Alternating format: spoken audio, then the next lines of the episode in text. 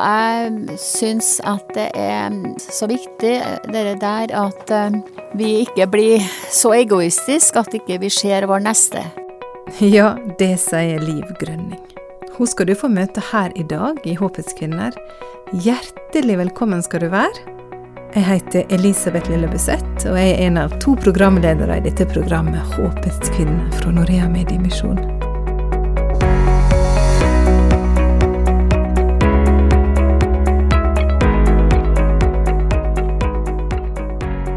Hvordan er dagen din? Jeg håper du har en god dag, og at du får kjenne Guds omsorg i livet ditt.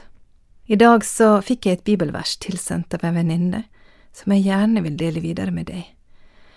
Det er et vers som står i Filipperne 4,8, for der står det Alt som er sant og edelt, rett og rent, alt som er verdt å elske og akte, legg vind på det.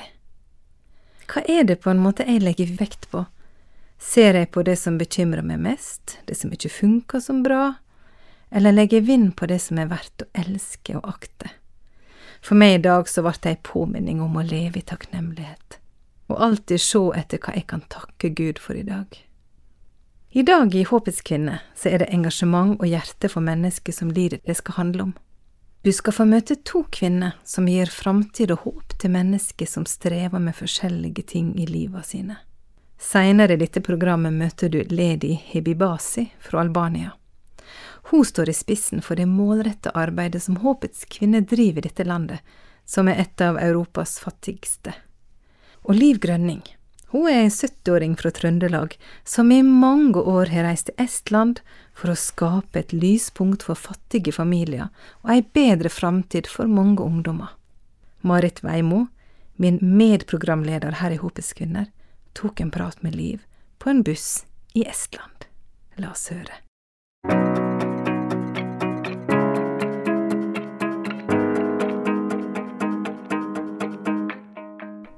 Nå sitter jeg her i en buss i Narva, en by langt nordøst i Estland.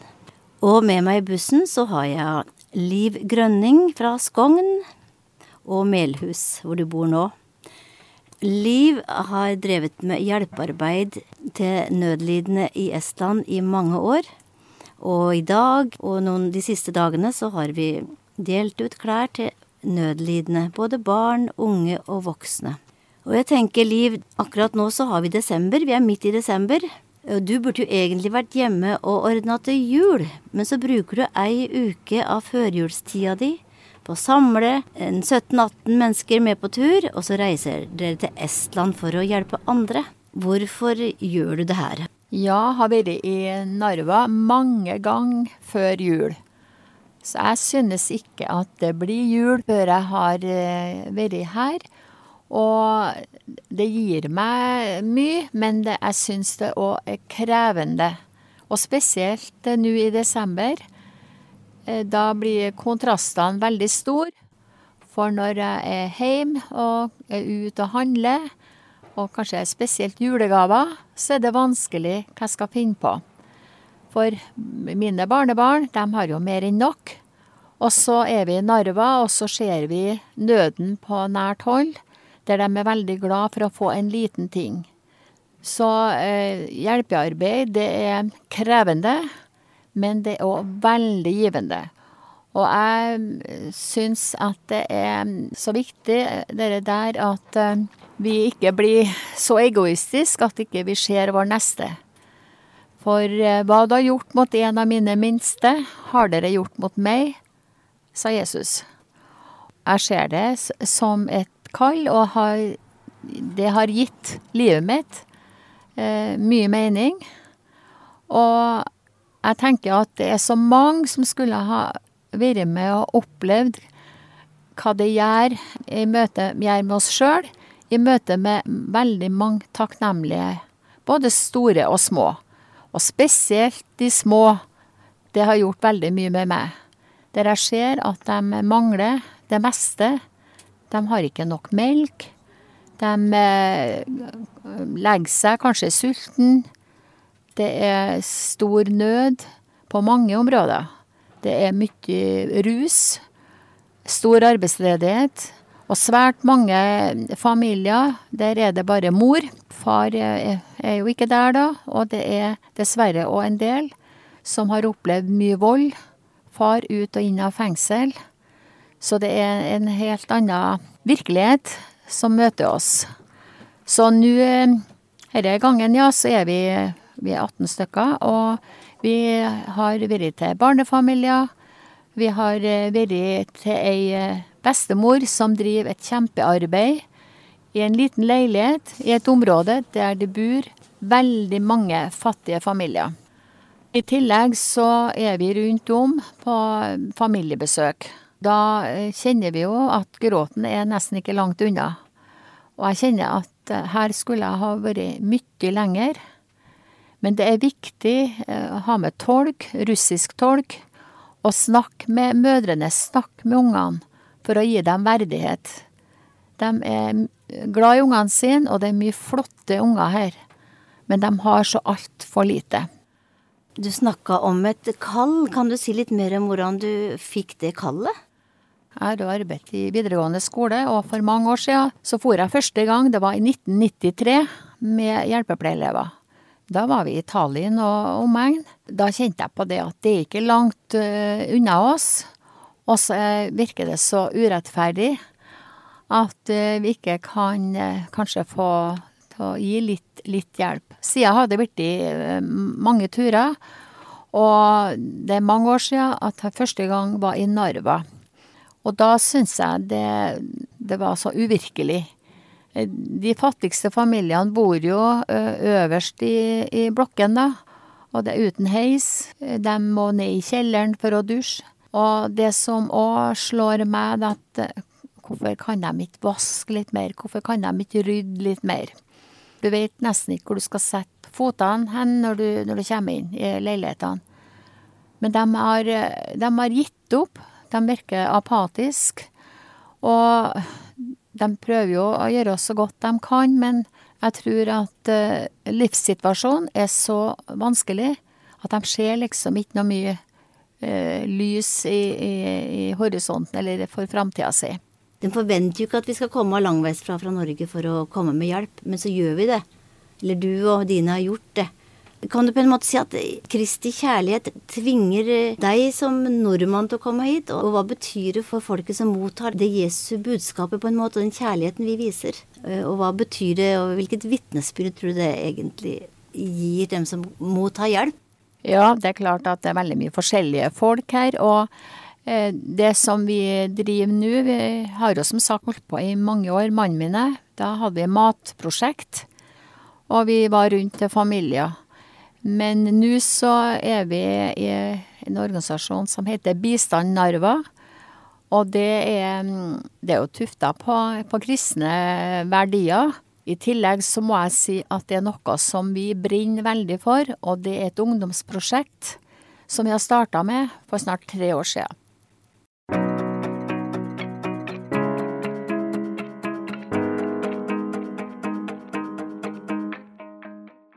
Liv forteller at gjennom dette ungdomsprosjektet blir blikket på en måte løftet fra det som ser håpløst ut, mot det som kan bli en bedre framtid for mange ungdommer og deres liv som voksne.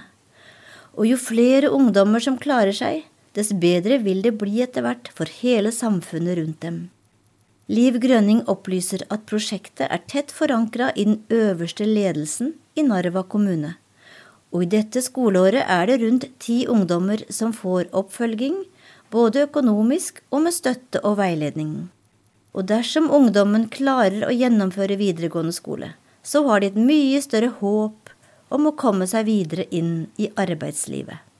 For tolv år siden så var det ei lita jente på seks år som eh, var alene. Og vi var med henne hjem, og der var det ei alkoholisert mor. Og vi har ført opp hun i alle de tolv årene etter vi møtte henne. Hun Alina, som hun heter, hun er en fantastisk jente, og hun har vi nå fått eh, så god kontakt med at hun er veldig åpen. Og vi har fått henne med i det ungdomsprosjektet som vi driver. For ett år så var hun mer eller mindre bare hjemme.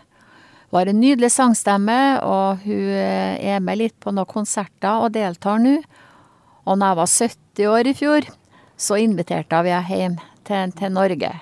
Og da laga hun egen sang til meg, og hun er vel ei sånn som jeg regner som en av mine barn. Fantastisk jente som jeg nå ser har ei framtid òg her i Narva. Det som er ganske fascinerende med å være med på en sånn en hjelpesendingstur, det er jo den kjærligheten og gleden ja, som oppstår med helt fremmede mennesker. Jeg husker jeg var med en gang for lenge siden på ei søppeldynge her oppe i Narva, og har aldri fått så god klem som av de store, møkkete hendene av hun Olga på søppeldynga. Og nå har jeg også sett disse dagene her at uh, dere, det oppstår varme blikk og kjærlighet og omfavnelse. Det er så fantastisk å se helt ukjente mennesker. Og så blir det en sånn gnist og en et følelse av en fellesskap. Så jeg tror nok de kjenner litt av Jesu kjærlighet når, når dere kommer, altså. For meg er det det viktigste, det å yte hjelp og også se et lite lysglimt når vi kommer på besøk. Og da kommer vi som de rike som bare kommer for å se på elendigheten, men det, det er kjempeviktig måten vi møter dem på. Og som jeg nevnte, så er det det med tolken, det, det er alfa og omega. Uh, hun snakker engelsk og russisk, så alt er veldig godt planlagt. Det kommer ikke sånn overrumpla inn uh, på familiebesøk, men uh, det er en god planlegging. Så det krever mye tid, ressurser, når vi skal gjennomføre en tur. Men det at vi er venta, det har mye å si for dem. Og da, da er både ungene og, og, mødrene, stort sett, da, de, venter på besøk av oss. Det er ikke nok bare å så forkynne det glade budskap. Vi må vise kjærligheten i handling, sånn at de uh, skjønner det at uh, vi tenker på hele mennesket.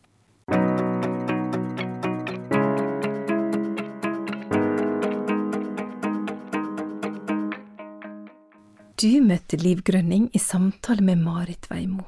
Og det er så flott å merke engasjementet til Liv. Hun bestemte seg for å gjøre det hun kan der Gud har satt henne. Hun lever det som Jesus sa om at eh, det du gjort mot en av mine minste, har du også gjort mot meg. Det er en sang jeg syns er veldig fin. Det er Sigurd Lunde som har skrevet teksten, og den heter Dine løfter er mange. Og i et vers så står det noe sånn som at vis oss hva du er meint med at vi bor der vi bor. Marit, som du hørte intervjua ditt i innslaget, hun har lært meg personlig noe veldig viktig. Hun fortalte meg at hun ofte starta dagen med å be Herre, vis meg hvem jeg kan være ei håpets kvinne for i dag. Når vi ber om det, og får være en som gir håp til andre i dag, ja, da kan vi få vandre i hans ferdiglagte gjerninger, og slippe å kjenne på stress og press for å finne ut hva på en måte vår oppgave er. Du lytter til Håpets kvinne, og jeg heter Elisabeth Lillebuseth. Så kjekt at du er med oss. Du finner mer informasjon om oss på håpetskvinne.no, eller som jeg som ofte gjør når jeg skal finne noe, bare google navnet. Og Det er også en enkel måte å finne denne podkasten på. Nå skal du få møte ei flott dame, Ledi. Hun er leder for Norea sin partner i Albania, Transworld Radio, og så er hun koordinator og leder for Håpets kvinne i landet. Dette lille landet med tre millioner innbyggere ligger ved Adriaterhavet, ikke så langt ifra Hellas og Italia. Og dette var det første landet vi i Norea begynte å støtte Håpets kvinner i. Helt tilbake i 1967 så var Albania det første landet i verden som erklærte seg for å være et ateistisk land. Det ble forbudt med all religiøs aktivitet, og både muslimer og kristne levde under et stort press. I dag regner jeg med at det er rundt 0,6% evangeliske kristne i Albania, noe som utgjør kanskje 14 500 personer. Hvis du har lyst til å vite mer om vårt arbeid i Albania, og spesielt det nye arbeidet som retter mot menn, så søk opp Misjonspuls på Spotify. Der er det mine kollegaer Roald Arnesen og Jostein Sett som har ei episode som handler nettopp om Albania. Håpets kvinner arbeider målretta for å hjelpe kvinner i Albania. Både gjennom radioprogrammer og bønnearbeidet, som jo er de viktigste, men vi driver også med utadrettet arbeid ved Senter for voldsutsatte kvinner, besøk i barselavdelinga på sykehus for informasjon og hjelp, og besøk i menigheter. De er også med på å dele ut matpakker til familier i nød. Og nå skal du få møte Ledi, og her deler hun litt om de utfordringene en kjenner på det at det er det noen som hører programmene våre. Hello, my name is Lady, and I'm leading the work of TWR in Albania, and especially working with Women of Hope and the ladies in need. We uh, also do the Women of Hope program and uh, many other programs. Noen ganger føles det som om ingen lytter til programmene våre, for vi får ikke alltid så mange tilbakemeldinger. Hver måned besøker vi tre eller fire menigheter for å oppmuntre dem, undervise om et tema knyttet til håpets kvinner, og ber for dem. Jeg møter mange kvinner på slike møter, og da bruker jeg alltid å spørre om de lytter til programmene våre, og om kanskje de vil dele vitnesbyrdet sitt med oss. Det var slik jeg møtte Cosetta. Hun kom bort til meg, og øynene hennes skinte av glede. Vet du, sa hun, jeg ble frelst gjennom programmene deres. Hæ? sa jeg. Er det sant? Men hvorfor har du ikke skrevet til oss og fortalt om det? Vel, hun hadde vært litt sjenert, sa hun. Men så begynte hun å fortelle historien sin. She said that she got married with a man she didn't know before. It was a fixed marriage, and they emigrated to Greece. Cosetta hadde blitt giftet bort til en mann hun ikke kjente. Det var et arrangert ekteskap. De flyttet sammen til Hellas, og hun bodde der med han noen måneder. Men han misbrukte henne, så hun reiste fra han. Det var ikke lett å komme tilbake til familien sin i landsbyen der hun vokste opp. Det var en skam for dem at hun hadde forlatt mannen sin. Cosetta gikk inn i en depresjon. Hun prøvde å finne en vei ut av mørket, så hun begynte å leite litt på radioen etter fin musikk som kunne få henne til å slappe av. Hun kom over en kristen radiostasjon. Hun hadde aldri hørt det kristne budskapet før, og hun likte så godt ordene hun hørte, så hun begynte å lytte til programmet hver dag. Alle programmene har velsignet meg med så mye glede i hjertet, fortalte Cosetta. Spesielt Håpets kvinner. Jeg har ikke ord for å beskrive hvor mye radioen har forandret meg. Radioen er et fantastisk redskap som Gud bruker til å berøre mennesker og forandre livene deres, fortalte Cosetta meg. For noen måneder siden spurte hun meg om jeg kunne sende dem noen solcelleradioer. Hun ønsket å gi dem til noen kvinner hun ber for. For, som hun sa, jeg vet at Gud kan bruke dette redskapet for å hjelpe disse kvinnene ut av mørket de befinner seg i nå. Så jeg ga dem solcelleradioene, og vi ber sammen for disse kvinnene. Og vi håper og ber til Gud om at han også skal frelse disse kvinnene. And and.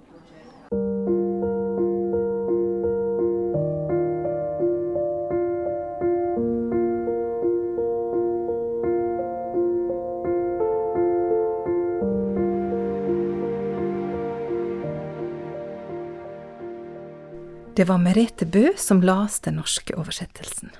Helt til slutt, la oss be i lag. Himmelske Far, lær oss elske hverandre og se hva det er du er ment med at vi bor der vi bor. Hjelp oss å vitne om Jesus for fjern og for nær. La ditt ord nå ut til hele vår jord. Herre, vis oss hvem vi kan være, ei håpets kvinne eller en håpets mann for i dag. La oss få vandre i ferdiglagte gjerninger, og la oss se andre med dine øyne. Ta imot Herrens velsignelse. Herren velsigne deg og vare deg. Herren la sitt åndelighet lyse over deg og være deg nådig. Herren løfte sitt åndelighet mot deg og gi deg fred. Takk for at du slo følge med oss i dag i Håpets kvinner. Del gjerne denne podkasten med andre. Ha det godt.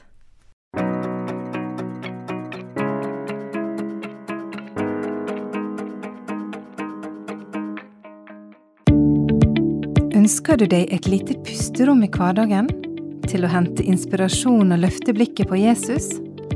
Vi i Norea Mediemisjon inviterer deg til ei håpshelg for damer i alle aldre. Vi møtes på Gimlekollen mediesenter i Kristiansand 24. til 26. april. Denne helga skal du få lov til å bare komme og være og få ta imot. Det får du gjennom forkynnelse fra Rita Aasen, fellesskap med andre damer og seminar om det å være ei håpets kvinne der du bor. Du får også møte Inja. Hun er leder for Norea sitt kvinnearbeid i Nordøst-Asia. Hun kommer for å gi oss et sjeldent innblikk i kvinners situasjon i Nord-Korea. Og hvordan vi kan gi dem håp gjennom radio. Vi håper og tror at du denne helga får styrke og mot til egen tjeneste. Gå inn på noreabutikken.no, så får du den informasjonen du trenger om inspirasjonshelga i Kristiansand 24. til 26. april. Du er hjertelig velkommen.